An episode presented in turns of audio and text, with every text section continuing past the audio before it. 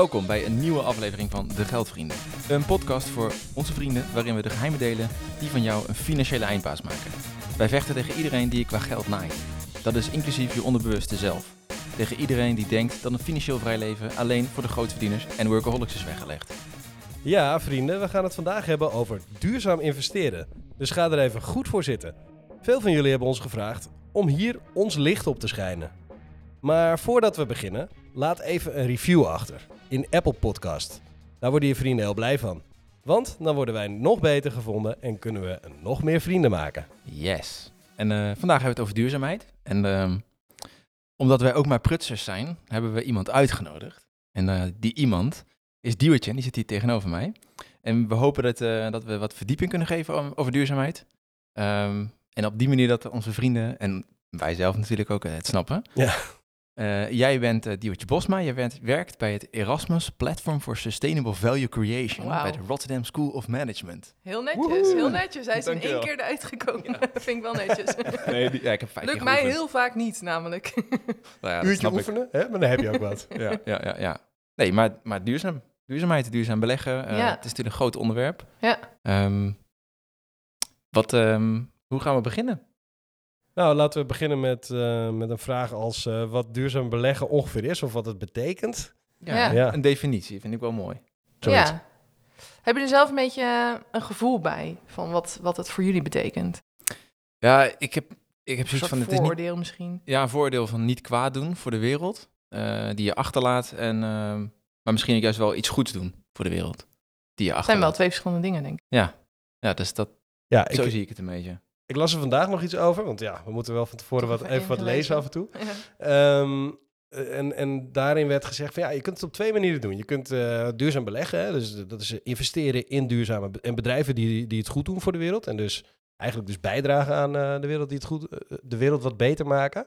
Maar dat is, dat heeft nog wel, dat is nog helemaal niet zo makkelijk, hè? want het is nog helemaal niet zo makkelijk om, om, om investeringen te vinden die echt duurzaam zijn. Maar daar gaan we het toch wel even over hebben, denk ik, vandaag. Ja, En de andere methode die hij noemde was gewoon beleggen in je normale indexfondsen en zorgen dat je geld vermeerdert en de opbrengsten daarvan eh, aan het goede doel geven. En toen dacht ik, ja, maar dan doe je nog iets fout.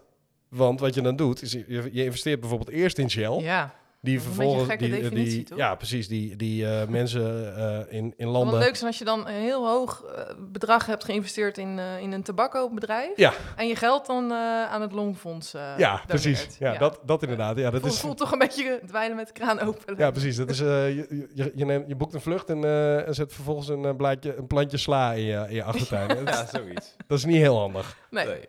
Dus ja, dat is, Waar las je dit? Ehm, ja, in een, in een blog over hoe je duurzaam kunt beleggen. Ja. En, en dat, dat is best een struggle blijkbaar om, om goede duurzame fondsen te vinden. Om in te beleggen. Ja, Ja. want we krijgen die vraag echt eh, veel. Ja? Dus, eh, ja, dus we wilden ook echt even een podcast opnemen met iemand die er wat meer eh, in zit dan dat wij erin zitten. Ja, ietsje meer. Ietsje meer. Ik denk echt eh, een hele trap verder. Nou, weet ik niet.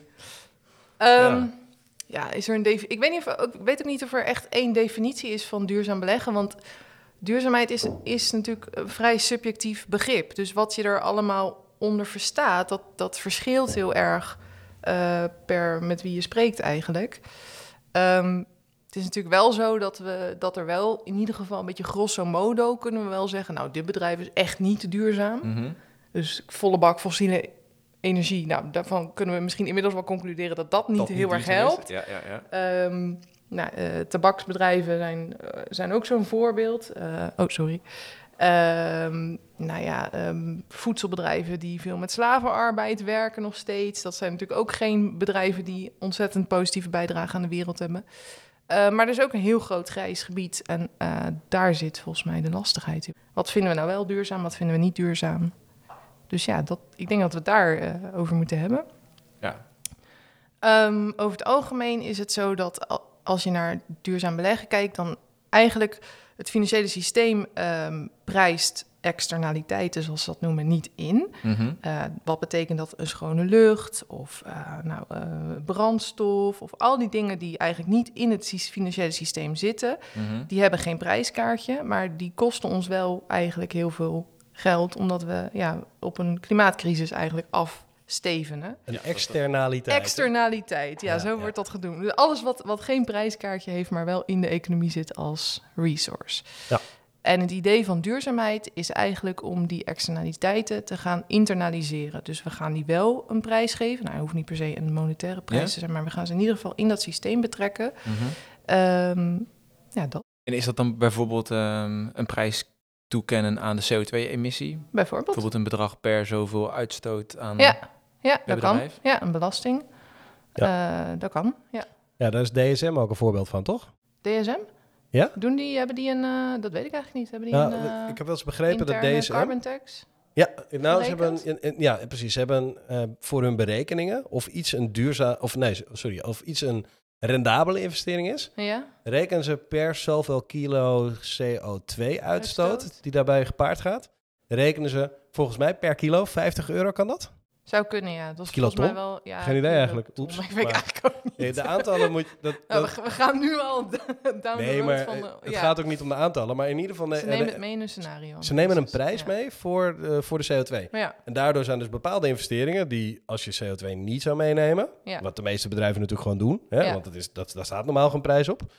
Maar bepaalde, precies, ja, nou, ze zijn er ook al klaar voor als het straks wel geld gaat kosten. ja, in sommige landen al wel. In Zweden bijvoorbeeld. Ja. Ja, je hebt natuurlijk een CO2-tax in sommige landen. Ah, en ehm, ja, jij weet meer waar, waar dat wel en niet is dan, Ja, dan dat ik het weet. maar hoor. in ieder geval is het natuurlijk wel iets waar je als bedrijf... Het is wel slim om daar vast rekening mee te gaan houden. Want als je nu een investering doet, bijvoorbeeld in iets wat zich in 20 jaar terug moet verdienen... Ja. en over 10 jaar komt er een CO2-tax... en je hebt CO2 helemaal niet meegerekend bij, eh, bij afweging... Mhm. dan kan het wel eens een hele onrendabele investering blijken te zijn. Ja. ja, dus wij hebben een, eh, promo een promovendus eh, aan ons platform. Die heeft onderzoek gedaan naar eh, wat de impact van een CO2-tax zou zijn op eh, de stressbestendigheid van het bankensysteem. Ja? En eigenlijk blijkt daar heel duidelijk uit van ja, je kan beter nu geleidelijk aan voorzichtig zo'n tax gaan invoeren. In plaats van dat je het in één keer, als het in één keer over ons heen komt, dan is dat systeem eigenlijk niet resistent daartegen. Dan, dan Dus banken het- zouden omvallen van een Ik weet niet of CO2-tax? ze zouden omvallen, maar er zou wel, er zou wel een flinke klap. eh, Ja, dus echt de kapitaalratio's gaan dan echt Ja. stevige klappen krijgen. Lekker fragiel systeem. Ja. Om ja, die termen te. Ja, Maar het even- kunnen we gaan even terug naar Ja. die... eh, ehm, eh, je zegt, oké, we gaan die externaliteiten gaan we proberen te internaliseren. ja, ja, Ehm, zijn het dan... Ik neem aan dat je bepaalde factoren dan moet gaan eh, eh, ja, meten... of een soort van kwantificeren of op een bepaalde manier gaan beoordelen. ja. Is daar een eh, manier om dat voor te doen? Is het, eh, Ja, er zijn duizend manieren voor om dat te Oh. doen eigenlijk. Dat, eh dat gebeurt al heel veel. Ehm, En wat zijn de meest de bekendste, Ja, de bekendste zijn de zogenaamde ESG-ratings. ja, en dat staat voor... Environmental, Social en Governance. En wat die eigenlijk doen, dat is een soort informatielens die je over je investeringsportefeuille legt om te kijken wat de risico's zijn en de kansen zijn op het gebied van bestuurlijk. Ehm, alleen de lastigheid is dat eh, er zijn verschillende bedrijven die dat, die dat in kaart brengen, die daar soort ratings eh, Ja. voor geven. De lastigheid is alleen dat ze allemaal een andere definitie hanteren van wat nou precies ESG Ah, inhoudt. dus ze correleren onderling eigenlijk niet echt met elkaar.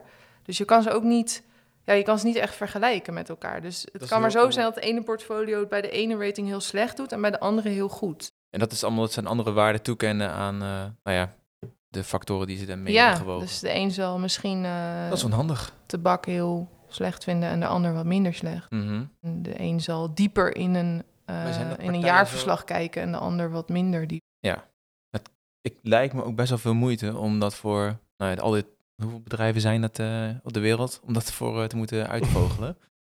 ja, ik denk niet dat ze ja. het met de hand doen.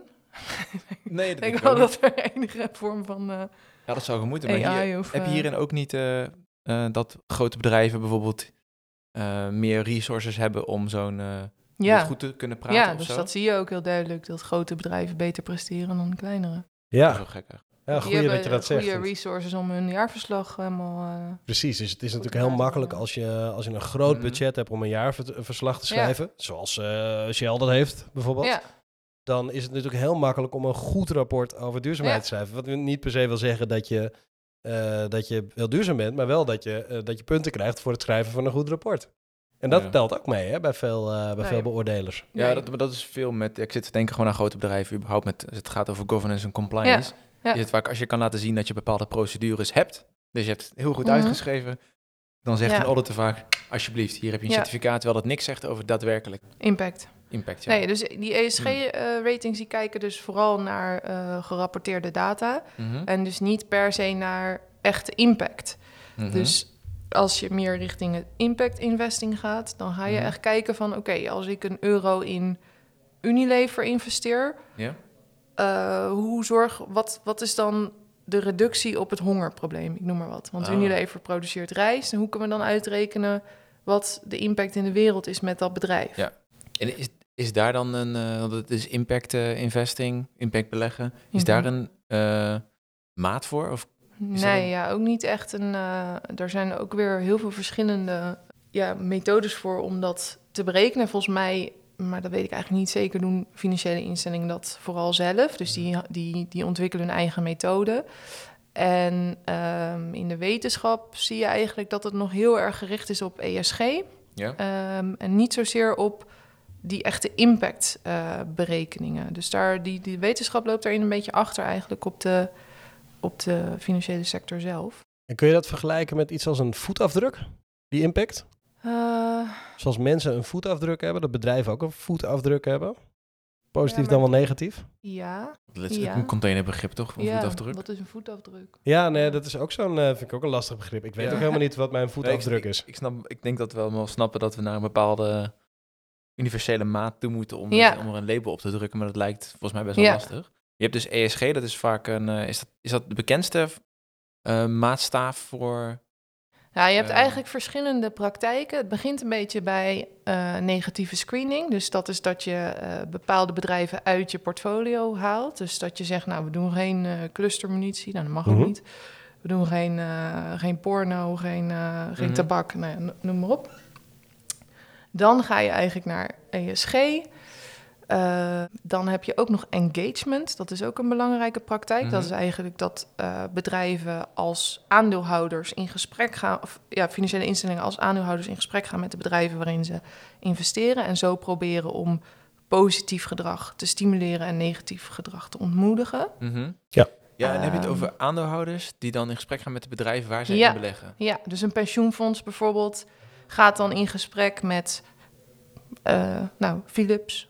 Ja. Eh, Ja. Even kort terug naar de basis. Weet je wel, uiteindelijk, ja, pensioenfondsen hebben verschrikkelijk veel geld. Fucking veel poen. Eh ja, maar honderden heel weinig miljarden. geld per bedrijf.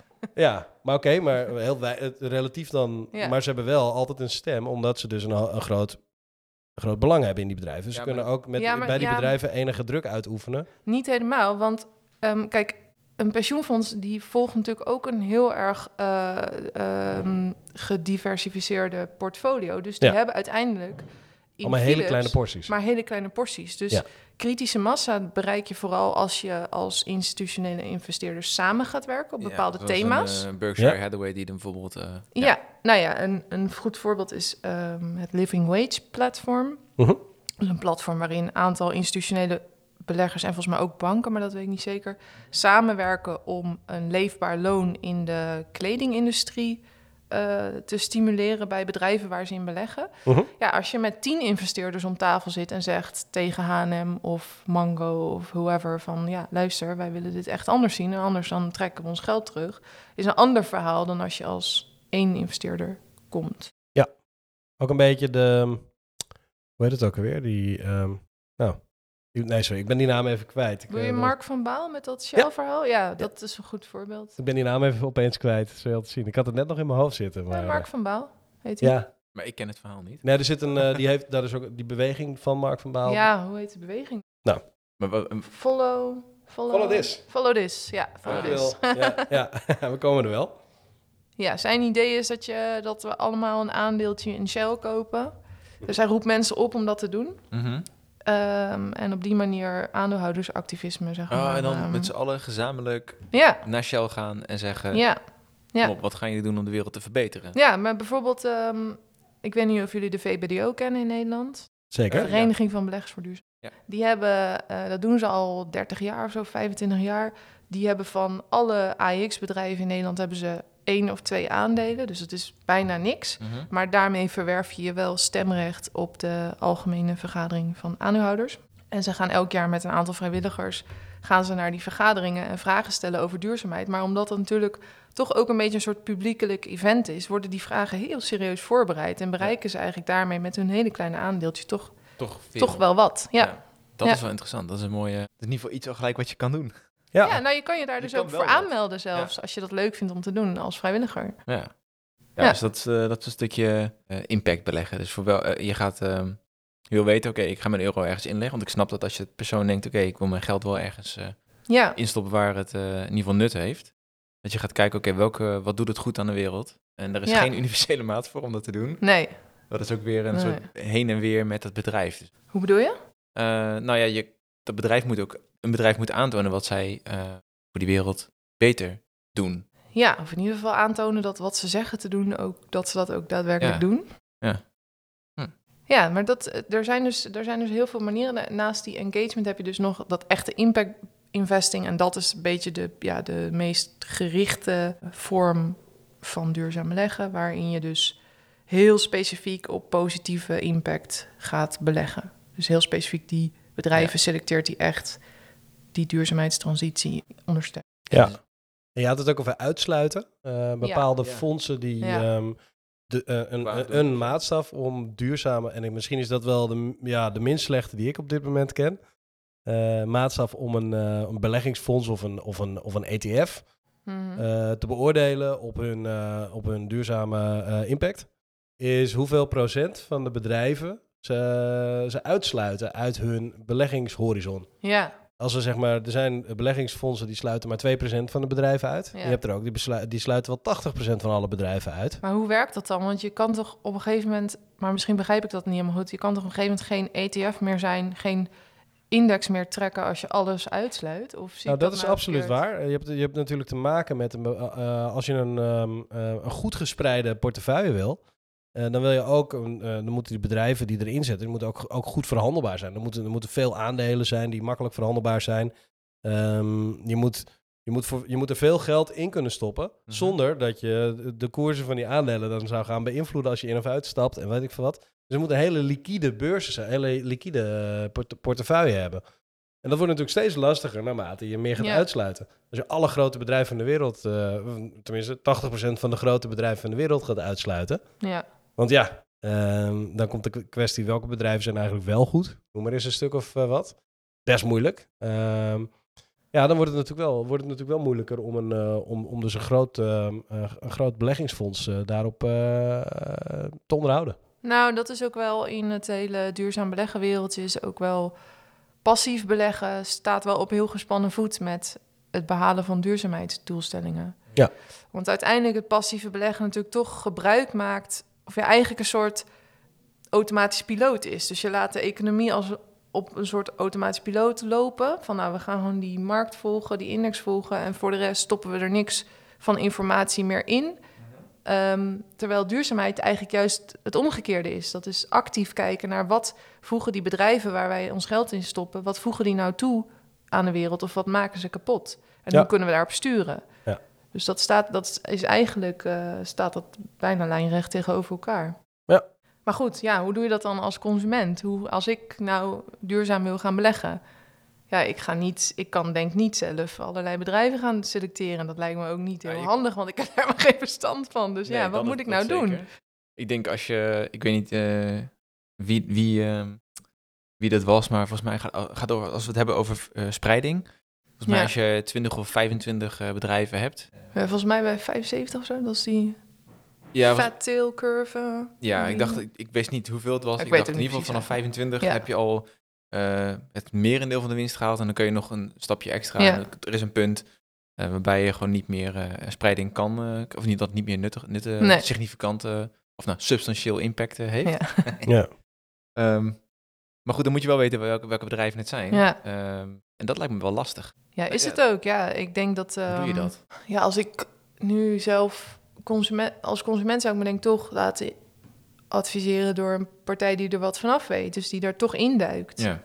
Ehm, ja, dan kom je eigenlijk op mijn volgende punt. Dat wij een van de, de eigenlijk een van de principes die wij als eh, geldvrienden Ja. onze Nou bent- Spendeer daar geen geld aan. spendeer daar geen geld aan. Nou ja, Ja. je mag best een keer... eh ja. zeg een upfront fee, gewoon een keer gewoon, eh, een, een, een, een, een, ge- een, eh, vast bedrag Mhm. voor een goed advies, vinden wij, vinden wij prima. Maar als jij gewoon telkens een, een, een, een service fee of een roaming fee gaat doen, of Ja. nou, belegd vermogen, ja, dan, het kan vaak goedkoper, maar ja, Het kan goedkoop, ja, maar de vraag is wat je er natuurlijk uit wil halen. Als jij, precies.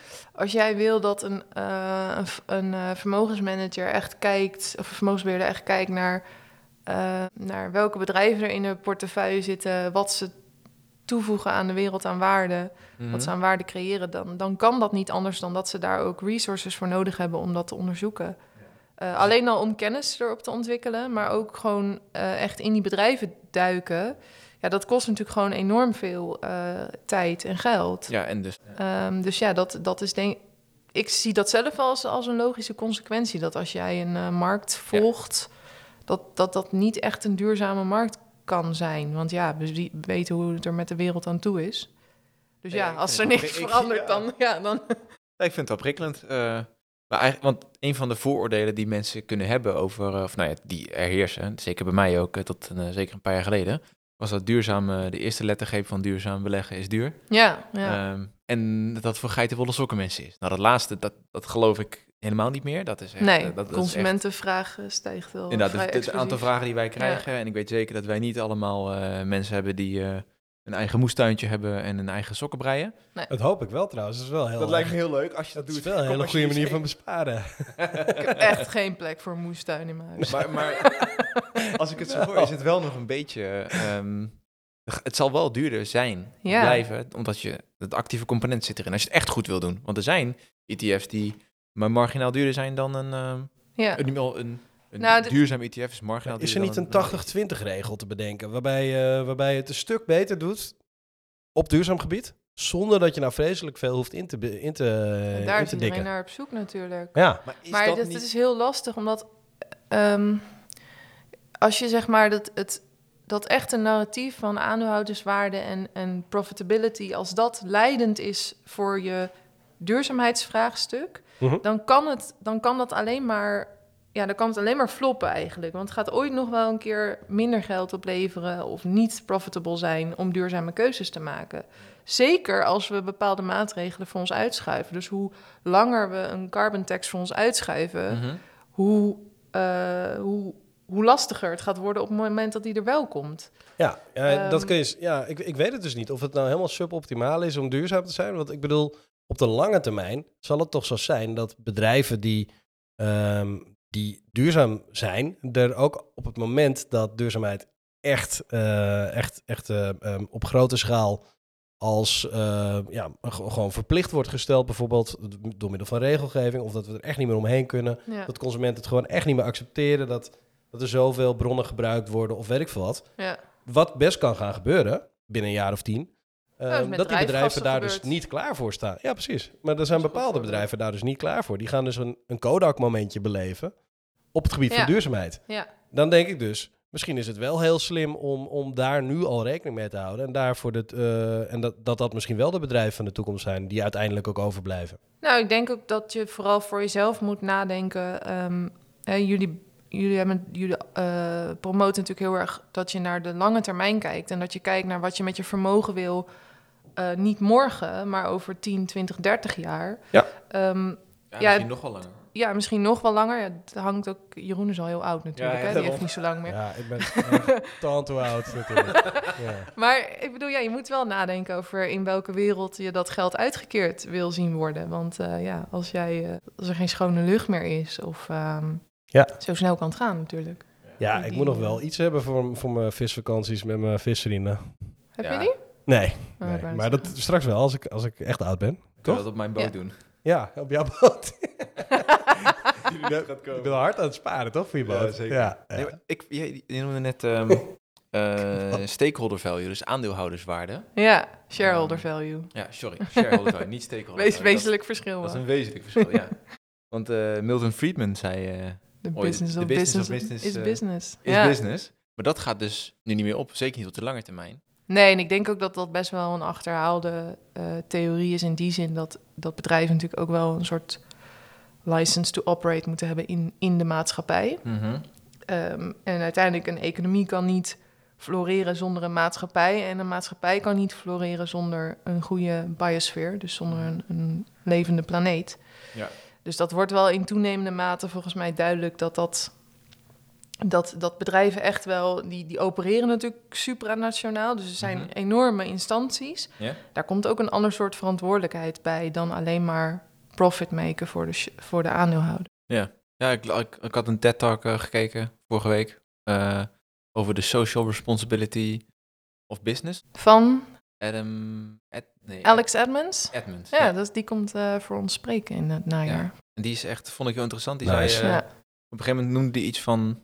Dat vond ik heel sprekend. Ja, profit is just a byproduct. ja, ja Oké, is dus winst is gewoon een bijproduct. een instrument. Ja, en dat vond ik wel heel, eh, heel erg mooi. En als jij zegt, oké, waar wil je... Ja, als je niet alleen 10, 20, 30 jaar kijkt, maar Ja, 50 jaar, dus je kinderen en kleinkind. ja, Ja, mag het, kan het dan meer kosten, zeg maar nu? Maakt, ga je, als we nu alvast beginnen met duurzaam beleggen, denk je dat het, ehm, ook wel dat het nu meer kost, zijn we, zijn we niet gek? Moeten we dat niet juist nu gewoon accepteren en wel... eh, ja, vanuit ideologisch oogpunt zou ik zeggen van wel. Maar kijk, ik, ik ben ook een consument. En, en toen wij een hypotheek gingen aanvragen, ben ik ook niet naar Triodos gegaan. Terwijl ik weet dat Triodos misschien zijn geld op een andere soort manier uitleent dan, dan een andere bank. Eh, maar het was gewoon te duur. Dus ja, dat scheelt gewoon eh, een, een paar procentpunten. Ja, ja, En het verschil, wat- wel heel veel. Het verschil heb je natuurlijk aan het goede doel overgemaakt. Ja, mijn eigen huis. onder, de- onder je armen verdeeld. Nee, maar ik bedoel, kijk, als je dat extra Ja. kan aflossen op je huis, dat scheelt nogal op de Ja. lange termijn. Ja, het, het, het, het is best wel inderdaad een beetje... Eh, dat wetende dat je pensioenfonds waarschijnlijk ook geen 100% meer gaat uitkeren tegen de tijd dat jij je pensioen. Dus je, ja, het is heel lastig. Je bent consument, je, bent, je, bent, je Ja. hebt een burgerschapsideaal en, en je bent ook nog gewoon mens en je kan ook niet alles weten. Ja. Mhm. De vraag is dus eigenlijk, wat is het je waard? Ja. Oh Het is- nou, ik vind ook- dat dus te simpel gesteld. Dus eh, Ja. Jaap Tielbeek heeft daar ook een boek over geschreven onlangs. En die, eh, dat gaat over eigenlijk de mythe van de groene consument. Dus Mhm. dat wordt heel vaak als, als, eh, als argument gebruikt. Van ja, er is te weinig consumentenvraag naar duurzame producten. Eh, mensen kopen nog steeds spullen bij de Action. Mensen kopen nog steeds eh, Ja. bij de Primark. Ehm, maar uiteindelijk is het natuurlijk kan je, kan je zo elke partij kan naar elkaar gaan wijzen. Dus de consument kan zeggen, ja, er zijn geen bet- betaalbare producten die ook, ook duurzaam zijn voor mij. En een bedrijf kan zeggen, ja, de consumenten vragen er niet naar. Mhm. Mhm. Een bedrijf kan ook zeggen, ja, de overheid heeft geen goede regelingen. Mhm. De overheid kan zeggen, ja, dat is niet onze taak. eh, wij heffen al belasting op andere dingen. Ja. Nou, ja, zo kan je in een cirkeltje rond gaan bewegen. Maar je zit echt vast in een soort eh, systeem ehm, waarvan je nu eigenlijk merkt van het begint, er begint een soort Ja. Er begint een soort. begint. Ja, het begint echt iets Ja. te wringen. Het begint te piepen en te kraken. Dus we voelen aan alles dat dat echte, dat, dat echte kapitalisme, dat neoclassieke kapitalisme, dat dat, eh, dat dat een beetje op zijn retour gaat. En maar wat er dan voor in de plaats komt, dat. Ja. Volgens mij zijn we daar nog niet helemaal over uit. Ja, dus, eh, we weten nog niet... ehm, Ja, we weten niet hoe de toekomst eruit ziet. Dat is maar goed ook, want als we, als we het wel zouden weten, dan zou de toekomst niet zo eruit zien als dat we zouden weten dat het eruit zou zien. Wow, dat is, zo- dat is, te, dat is filosofisch. Maar. Ik ben Nee, filosoof, het maar is dit is goed te dat- filosofisch voor mij. Ja, het is, het is goed dat we, dat we het niet weten. Maar even, eh, jullie hebben allebei kinderen. Hoe, ja, hoe, hoe kijken jullie naar de wereld die jullie straks voor hun achterlaten? Ah, Ja, zeg maar. ja, lastig. Kijk, ik, ik, eh, ik hoop dat we gewoon een, eh, dat we die klimaatdoelstellingen halen. Dat ten eerste, dat we Mhm. gewoon het besef gaan krijgen met z'n allen dat we gewoon die planeet kapot aan het maken zijn. Ja, Dat we de ballen durven te hebben om... eh, besef is er denk ik wel. Ja, besef is er wel. En ik ben nu op, bij mij, kijk, mijn, eh, hoe zeg je dat nou? Ehm lay, put your mouth where your... Put your money where your mouth is. Ja, me, put your money- me. Ja, dat, dat ja. Zoiets. Dat doe ik nu niet, want ik, ik, Nee. ik, ik heb wel een soort van inst- in, eh, gevoel van, oké, ik ben wel, ik ben niet helemaal bezig zoals ik ideologisch en Nee, naar mijn eigen waarde zou handelen. ik ook niet. Ik eet Maar ook ik- gewoon vlees. Ik zie het gewoon nog niet zo goed. Nou, dat vlees eten doe ik echt bijna niet meer, dus dat is Ik ook niet veel, maar doe het wel. flexitariër ben. Ik ben zelfs een jaartje Ja. veganist geweest. eh beviel wel oké. Maar goed, dat is iets, andere, voor iets anders. Nee, ik wil wel inderdaad dat mensen aan die duurzaamheid, eh, dat, dat het echt een duurzame wereld wordt. Ja, Maar ik vind het heel moeilijk om mijn, eh, ja, echt daarnaar te handelen. ja vind ik ook. Omdat ik het gewoon, ik, ik heb het overzicht nog niet zo goed en ik weet, ik, ik ken het gewoon niet. Ik weet niet of ik er goed aan doe om nu alvast heel duurzaam te gaan beleggen. Kost het niet te veel? Hoe, hoe, hoe zijn de prestaties van... eh, eh, hoe is het rendement op een duurzame belegging? Ja, het is een beetje, eigenlijk zou ik iets meer moeten doen op dat gebied. En, maar wat dan? En, en gaat het niet? En je Ja. weet ook niet precies hoe, te- wat, nou, wat, wat nou de payoff is. Hoeveel kost het je eigenlijk? Dat kan je ook niet helemaal bepalen. Maar als je, als je nou eens losbreekt uit die, zeg maar, die praktische lastigheden, als jij gewoon met een soort visie naar de toekomst kijkt, welke bedrijven denk je dat er dan nog zijn en welke niet meer? Nou, dat we heel simpel kunnen zeggen dat er heel veel oliebedrijven dan iets anders doen. Ik denk Ja. dat, dat een Shell absoluut bestaat. Ja, dat denk ik ook. Ja, Ik denk misschien is Shell over 50 jaar wel de grootste groene energieleverancier van de wereld. dat willen ze wel graag, volgens mij. Ja, die, zijn, eh, die staan er helemaal klaar voor. Maar dat is wel zo'n eh, wel, wel zo'n voorbeeld. Het is natuurlijk Ja. absoluut een, niet een, eh, een filantropische instelling. Nee. Maar ze weten wel van, nou ja, we hebben gewoon, die hebben gewoon hun scenario's. Als één, als, als één bedrijf in de wereld goed is in scenario-analyses en klaarstaan voor veranderingen, Ja, Dan is dat Shell. Ja. die zijn er geweldig in. Eh, die hebben het ook allemaal keurig uitgedacht. Alleen, nu weten ze gewoon dat er op dit moment gewoon nog heel veel vraag is. Vanuit zowel de ontwikkelde als de opkomende economieën. Van veel, naar veel fossiele brandstoffen. Om die economieën maar zo, zo goedkoop mogelijk, zo hard mogelijk te laten draaien. Ja. Ja. En dat is nog even los van gewoon de consument, hè? Ja. Eh, maar gewoon echt bedrijven. Die hebben, dat is natuurlijk een hele belangrijke factor. Ehm, maar, ehm, maar zodra het wel zo is dat, dat, dat er dus een keuze wordt gemaakt om, om het allemaal duurzaam te gaan doen, dan is Shell daar wel klaar voor. Dus inderdaad, misschien is Shell over 50 jaar een, eh, een, eh, een windmolen, zonnepanelen of eh, vliegers in de biosfeer. eh, wat is het? Ehm, ergens, ergens in een, eh, in een, in een, op, op een hoger, eh, vliegers op een, op een wat hoger niveau die Ja. constant e- energie eh, produceren. Whatever. Misschien halen ze daar hun. eh het zal wel een energiemaatschappij blijven, denk ik. Maar Ja, hoe denk- dat eruit ziet? Ik weet niet. Ik denk dat er eh, een paar bedrijven zijn, eh, ik denk een bedrijf eh, zoals Apple, Microsoft, eh, die zullen blijven bestaan en die zullen nog steeds eh, floreren in een, eh, in een gebied, in, die- in die sector. Dat weet ik. Dat, Ook niet heel duurzaam bedrijven. nee, dat niet. Maar ik denk dat die wel de, eh, in ieder geval de, de, de kennis hebben en de kunde hebben en het geld hebben om, de, om die transitie te maken. Ja, En daar die vraag zal blijven spelen. Eh, maar ik denk dat er ook heel veel andere sectoren over de kop gaan. Of eh, dat Mhm. gewoon ja met name in de agrarische sector is Ja, natuurlijk precies. heel in ingewikkeld. en, eh, terwijl dat wel landbouw. vrij eh, essentiële Ja, maar- sector is voor de wereld. Nou ja, dat is ook een vraag. Hè? Kun je met z'n allen biologisch eten? De hele wereld? Weet ik niet. Nou, ze dat zeggen is, van wel. ze zeggen het. Maar het zal wel, dat, dat is eh, op dit moment lijkt het niet te lukken. Omdat het niet- niet... schaalbaar is. Of... Ja, die, die schaalbaarheid van een uh, van inderdaad een Oh, van ik niet uh, uh, biotechnologie, uh, bio-industrie. Ja, dat zeggen mensen heel vaak, maar ik weet er eigenlijk te weinig van af. Omdat uh, ja. Mensen noemen dat heel eh, vaak als argument. Van ja, maar we kunnen ook niet allemaal biologisch gaan eten. Dus laten we dan maar die plofkippen eten. Ja, Ja, ja een misschien is dat, tegenstelling eigenlijk. Ja. ja. Je moet ook altijd even uitkijken wie iets uh, uh, onderzocht heeft en wie het dan betaald heeft. En, uh, Ja, Ja, zeker. er zijn ja. genoeg onderzoeken die natuurlijk gewoon, um, ja. Ja. dat is, dat is door de verkeerde Er mensen betaald zijn. lobbyonderzoek, zeker. Ja, precies. Ja. Daar is heel veel onderzoek aan gedaan. Is heel veel... Maar, maar Ja. denken jullie dat, ehm ehm laat dan iets breder of iets abstracter eh, vragen. Denken jullie dat het economische systeem eh, houdbaar is, zoals het nu, nu in elkaar steekt? Nou, eh, weet ik niet. Eh, iets in me zegt van niet. En aan de andere kant, eh, kijk, het is heel gefocust op groei is goed, Ja, meer is beter. schuld is goed. Eh, s- ja, schulden is goed. Eh, dat wordt een beetje zo gecreëerd. Dus dat quantitative easing eh, Ja. stuk natuurlijk. Ja. En dat, dat zie ik niet voor me dat het houdbaar is. Ik denk wel ehm, dat, dat, het, dat het de kern zal blijven, maar dat we wel eromheen, eh, dat we minder naar meer is goed gaan, maar meer veel meer naar ehm, hoe kunnen we dit be- behouden. En dan zouden we meer dus de maatschappij moeten betrekken bij... eh, Moet het meer dienend worden, het systeem? Ja, zoiets. Hm. Is het Ja, of dat, het steeds, dat, je het steeds, dat je met dezelfde hoeveelheid gebruik van spullen effe- nog veel efficiënter gaat doen. Ja, Uiteindelijk komt echte groei, komt, eh, in het verleden is altijd uit, uit efficiency gekomen. En bijvoorbeeld het ontstaan van, van, ehm, van eh, nou ja, eh, het, het internet of de computer. Dat heeft een ontzettende efficiency slag gebracht, waardoor er ontzettend, waar echt groei vandaan is gekomen. Dus echte groei komt uit technologische vooruitgang, efficiency. ehm, dus meer gebruik maken van, met, Nou ja, ook van, wel op van dezelfde bronnen. gedachtegoedontwikkeling natuurlijk.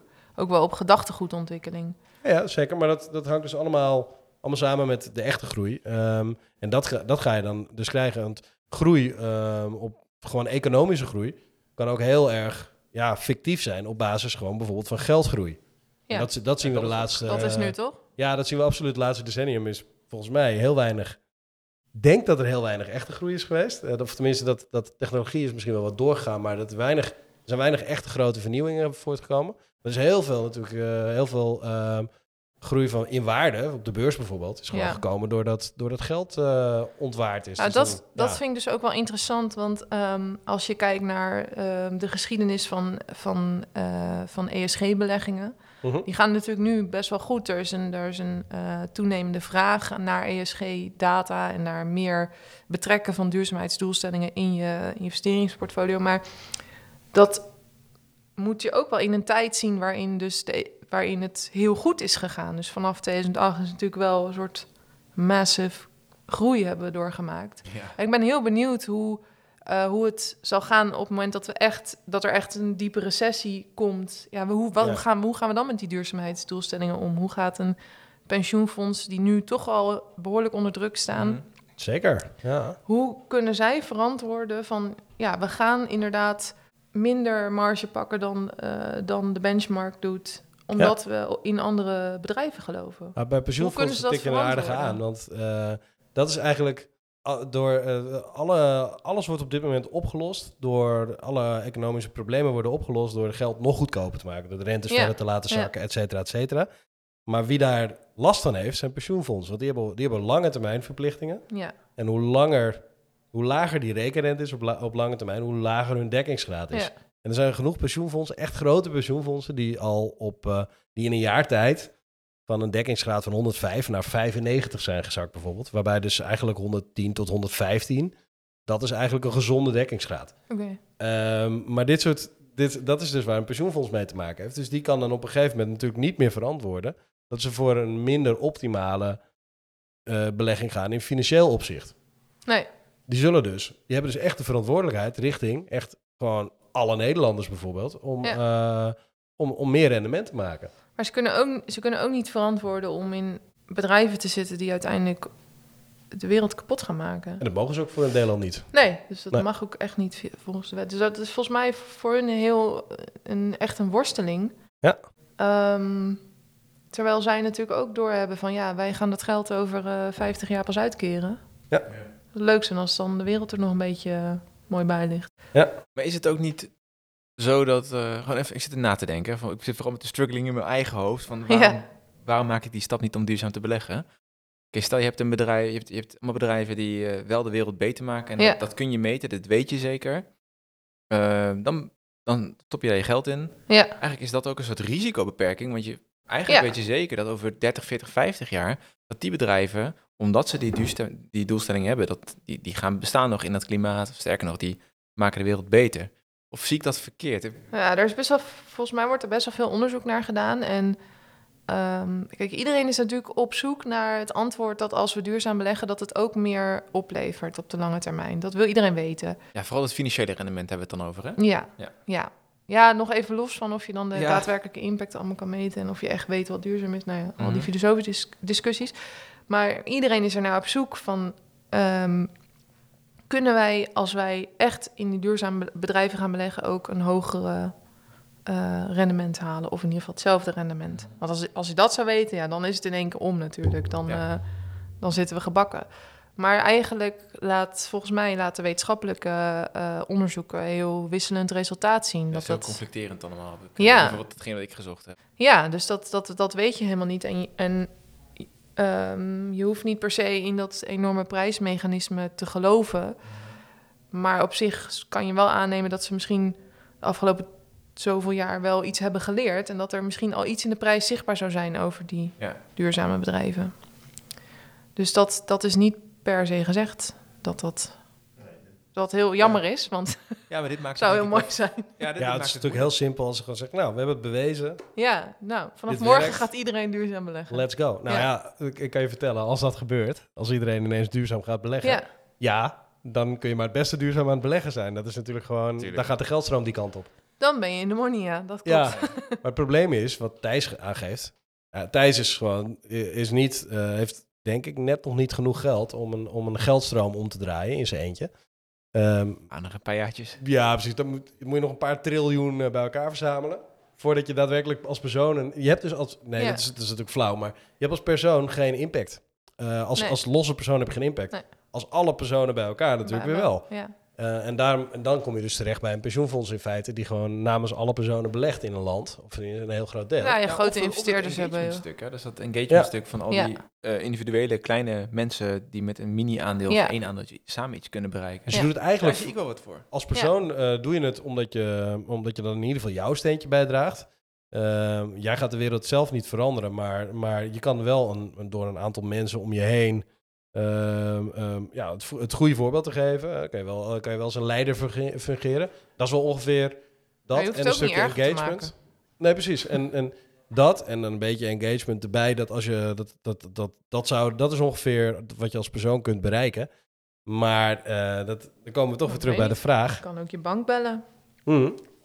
Vragen, precies. vragen hoe ze jouw hypotheekgeld eh Ja, maar dat is toch ook uitgeven. engagement? Ja, dat kan je zien als... een- Ja. Dat is je eigen vorm van En- engagement. engagement. Ja. Dus ja, dan- dat, is, dat is in ieder geval wat ik bedoel. Dat je, dat, eh, ja, je bent op zich als, als eh, persoon in je eentje ben je beperkt in wat je, wat je kan, ver- kan veranderen.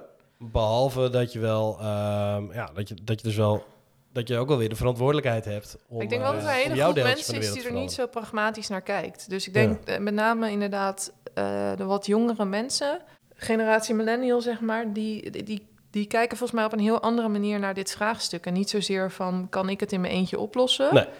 Eh, maar doe ik iets waar ik me echt senang bij voel? Ja, precies. Dus, en dat is het, dan komen we dus weer terug bij de basisvraag. Kun je op een manier ehm, duurzaam beleggen die, ehm, ja, dat je, dat, je, dat je dus wel rendementen eh, maakt waar je wat aan hebt. Ja, En dat je, dat je toch in ieder geval je eigen, jouw deeltjes van de wereld eh, in ieder geval niet slechter maakt dan wel beter maakt. Dat is, het- dat is eigenlijk eh, de vraag. Welke, Dat in wat voor fondsen kom je dan? de eh, heilige graal waar iedereen naar zoekt. Ja, ja, Dat is ja. de holy grail. Maar zoals ik het, zoals ik het begrijp, is die er niet. Ehm, nou ja, ja het, het hangt aan zoveel complexiteiten aan elkaar. Dat het, het- überhaupt het be- containerbegrip duurzaamheid is natuurlijk gewoon heel subjectief en verandert over de tijd en is niet een vastgegeven. Kijk, een, een dollar is heel, is heel meetbaar, vergelijkbaar. We kennen het in- als instrument. Eh, maar als je 10, 20, nou ja, als je de 17 eh, doelen van de Verenigde Naties in dat systeem wil gaan toevoegen, daar zitten zoveel verschillende Ja, ja, ja. manieren in van hoe kan je iets meten, hoe, ehm, nou ja, een doel van de Verenigde Naties. eh, dat zijn de United Nations, Nations. Principles of Responsible nee, eh, nee, dat is Oh. de UNPRI. Dat is, dat is een instituut waar heel veel ins- Oh, financiële instellingen bij, eh, bij, aan, eh, bij aangesloten zijn. Ehm, dat is een soort van eh, hele grote VBDO. Mhm. Ja, echt Ehm, even cool dan dat ik zo'n lange... maar je hebt de United Nations Sustainable Development Goals. Dat zijn Oh eigenlijk ja, die SDG's. de SDG's. Dat zijn eigenlijk eh, landendoelen. Eh, maar je ziet in toenemende mate dat eh, banken en andere financiële instellingen die, die SDG's ook als leidraad nemen voor hun investeringsbeslissingen. Mhm. Ehm, maar die zijn gewoon heel, die zijn heel lastig kwantificeerbaar. Want hoe ga je eh, decent work, om een van de doelen te noemen, Ja, kwantificeren? ja. Dus dat, het, ligt, het, ja, het is gewoon heel lastig om, eh, om daar, vind ik, als, als persoon, om daar wijs uit te worden. Van wat als ik nou mijn geld onderbreng bij Rabobank of bij Robeco of bij Triodos? Wat, wat is dan het echte verschil? Vind ik best ja, wel lastig. Ja, Ik denk dat je, dat je hier wel iets aanstipt. Kijk, als je dan eh, uit een van die drie kiest, dan zou ik zeggen, je- weet je wel, als, als het enige is wat je doet, van ik wil gewoon net even iets beter doen dan de rest. Nou, kies dan gewoon voor Triodos. Dan ben je in ieder geval, dan heb je in ieder geval een wat betere keuze gemaakt. Als je bij alles Hoezo? ietsjes, be- nou ja, omdat, omdat Triodos het in zijn d- eh, zijn DNA heeft om, eh, om, om eh, duurzaamheid. Ja, na te streven. Rabobank is een boerenbank. Dus op zich zou je denken dat die in hun DNA ook... Oké, maar ja, ja. als, ik, ja, als ik je zou vragen van welke denk je dat jij, welke, welke zou jij als, als meest van deze drie als meest duurzame bestempelen, dan Dat vind ik echt heel lastig om heb te je geen zeggen. antwoord op? Nee. Oké. Ja, omdat ik het gewoon niet, ook niet weet. Snap Hm. je? Ik weet niet waarom bepaalde keuzes gemaakt worden en hoe iets resulteert. Ik bedoel, Trilde is ook een heel kleine bank natuurlijk. Dus Ja. Uiteindelijk ja, ING heeft natuurlijk in potentie veel meer impact dan, dan een kleinere bank als Triodos. Hoewel Triodos natuurlijk wel weer die hele massa meetrekt. Ja, oké. ik, Het wordt denk- steeds ingewikkelder eigenlijk, nee, hè? ik denk dat het wel, dit is denk ik wel, ehm, dit speelt op mijn hoofd. Ik ben heel blij dat je dit, context geeft. Ja, Maar eigenlijk, het, het voelt een beetje, we, we, we steven, stevenen, stevenen af op een soort van... fatalistische discussie. Nee, maar het wordt een soort van uh, teleurstelling lijkt het Ja, nou, terwijl het eigenlijk heel positief is. Ja, want Ja. dan is mijn vraag, wat hebben we de afgelopen twee decennia dan gedaan? Want wat wisten we twintig jaar geleden? Waren we al waar we dan nu staan? Hebben we iets geleerd? Zijn we verder Ja, we gekomen? weten het eh, eigenlijk al, f- al 50 jaar. Sinds de jaren 70 is het Brundtland Report uitgekomen en weten we dat, eh, dat we de wereld in ieder geval uh, ja, Niet beter aan het niet beter aan het maken zijn. En met name natuurlijk op de CO2-uitstoot. Mhm. Ehm, de afgelopen tien jaar is daar het biodiversiteitsprobleem eigenlijk Mhm. bijgekomen. Dat is mm, eigenlijk nog veel groter risico dan het klimaatrisico. Ja. We weten dat al heel lang. ehm, maar het is, een, het is een systemisch probleem. Dus het is, het is inderdaad wat jij heel terecht zegt. Van je bent als, als persoon en als burger, als consument... ben je maar één iemand. Maar met z'n allen ben je een soort collectief. Mhm. En dat, het probleem zit in dat collectieve handelen en in het, in het systemische. En zijn we nou echt opgeschoten? Ja, ik vraag me dat af. Want volgens mij zijn... Ja, de afgelopen jaar zijn volgens mij de CO2-emissies wel afgenomen. Maar dat komt door de coronacrisis natuurlijk. Ja, ja, ja. Eh, maar over, ja, volgens mij eh, eh, zijn we nog steeds eh, eh, aan het groeien met onze emissies. ja, zeker. Eh, ik weet dat overigens niet zeker hoor, maar dat... Jawel. Mij kan me niet voorstellen Los van, dat als het heel veel beter was gegaan, dat het misschien Ja, wel gewoon. Ik hoopte op Maar- wat meer hoopvol antwoord, maar... nee, maar dus dat, het is gewoon best wel alarmerend als je, als je Ja. er wat dieper induikt, wat die, wat die echte klimaatcrisis vooral, wat dat, wa- waar we ons op afstevenen. Ik Mhm. word er soms best wel een beetje, een beetje angstig van. mhm. Eh, maar tegelijkertijd, als ik dus heb ik ook mijn huidige realiteit. Dus als ik inderdaad moet kiezen voor een hypotheek, ja, dan kies ik toch de goedkoopste. Dus hoe gaan we dat nou? Hoe, kunnen we dat, dat narratief nou eigenlijk breken? Dat we, dat we altijd maar het goedkoopste willen en moeten. Dat dat zo Mhm. in het systeem ingebakken zit. En dat we tegelijkertijd ook willen dat het beter gaat met de wereld. We moeten af van het meer is beter principe. Ja, en, en andersom, ja, het enige wat in het verleden heeft eh, bewezen te werken, dat toen, toen er bijvoorbeeld het probleem was met de ozonlaag, Ja, het was gewoon regelgeving. se- serieus regelgeving, gewoon dwang. Ja. Maar dat is eh, eigenlijk heel grappig gegaan. Er bedrijven zijn iets van ja. twaalf landen geweest die gewoon eh, dat geboycott hebben met z'n Ja. twaalfen. ja, en toen en, is uiteindelijk de hele wereld gevolgd. en ook een, eh, ook een er is ook nog een, de rest van de wereld is gevolgd, maar ook omdat, omdat er ook een, eh, volgens mij kwam het je ook op een boycott te staan als land op het moment Ja, dat, dat je dat niet naleefde. Ja, dat, dat- want anders zou je gewoon het probleem verhuizen. Ja. Zou die, eh, wat is het, FSC-productie? Ja. De broeikasgasproductie, Ja, ja, die zou dan gewoon verhuizen naar andere landen, waar het wel mag. En, maar ze hebben het toen ge- ge- gepaard, eh, de grote industriële landen hebben het toen gepaard laten gaan met een boycott die ingesteld zou worden op het moment dat andere landen het over zouden nemen. Ja. Waardoor het dus niet rendabel werd. Kun je theoretisch ook doen, alleen Ja, eh, de wereld is natuurlijk ook gewoon financieel heel erg afhankelijk van, van, eh, van op dit moment in ieder geval financieel heel erg afhankelijk van een hele hoop eh, sectoren die gepaard gaan met veel, eh, eh, met veel vervuiling. Ja. Als je het over CO2 hebt, kom je toch weer bij fossiel uit. En als je ziet hoeveel investeringen er ook in fossiele energie zitten, als je Ja. ziet wat er gebeurt als de olieprijs in elkaar pleurt, wat dat, wat dat voor impact heeft op de beurs. ja, en daar is echt, dat is, eh, dat gebeurde tegelijkertijd met de coronacrisis Ja. ook. Ja. En dat heeft de echt, super in benzine. ja, Mhm. Ik heb even een paar keer extra getankt hoor. Ja, ja, hier kijk, daar heb je weer. meer. Gaan we weer. ja, ik heb op een gegeven moment gewoon, ik heb in, in plaats van, eh, van eh, olijfolie heb ik gewoon eventjes gekookt met eh, benzine. Ja. Is, is je ook wel af te zien, moet ik zeggen. Hoeft je ook niet- Ja, lekker roken. Diesel. Ja. Ja, nee, ik, ik, had ik had gehoopt dat we wat hoopvoller konden eindigen. Ja, maar ik eh, denk wel dat het... Kijk, Oké, uiteindelijk... la- het laatste ja, pleidooi van Ja, het laatste voor de pleidooi is dat uiteindelijk eh, denk ik niet dat we moeten gaan wachten tot we het verlossende antwoord uit, uit de wetenschap krijgen. Want wetenschap is altijd genuanceerd en die zal altijd gewoon laten zien wat er op dit moment is. En op dit moment is het gewoon nog niet. We zitten in, midden in die transitie naar een duurzamere wereld.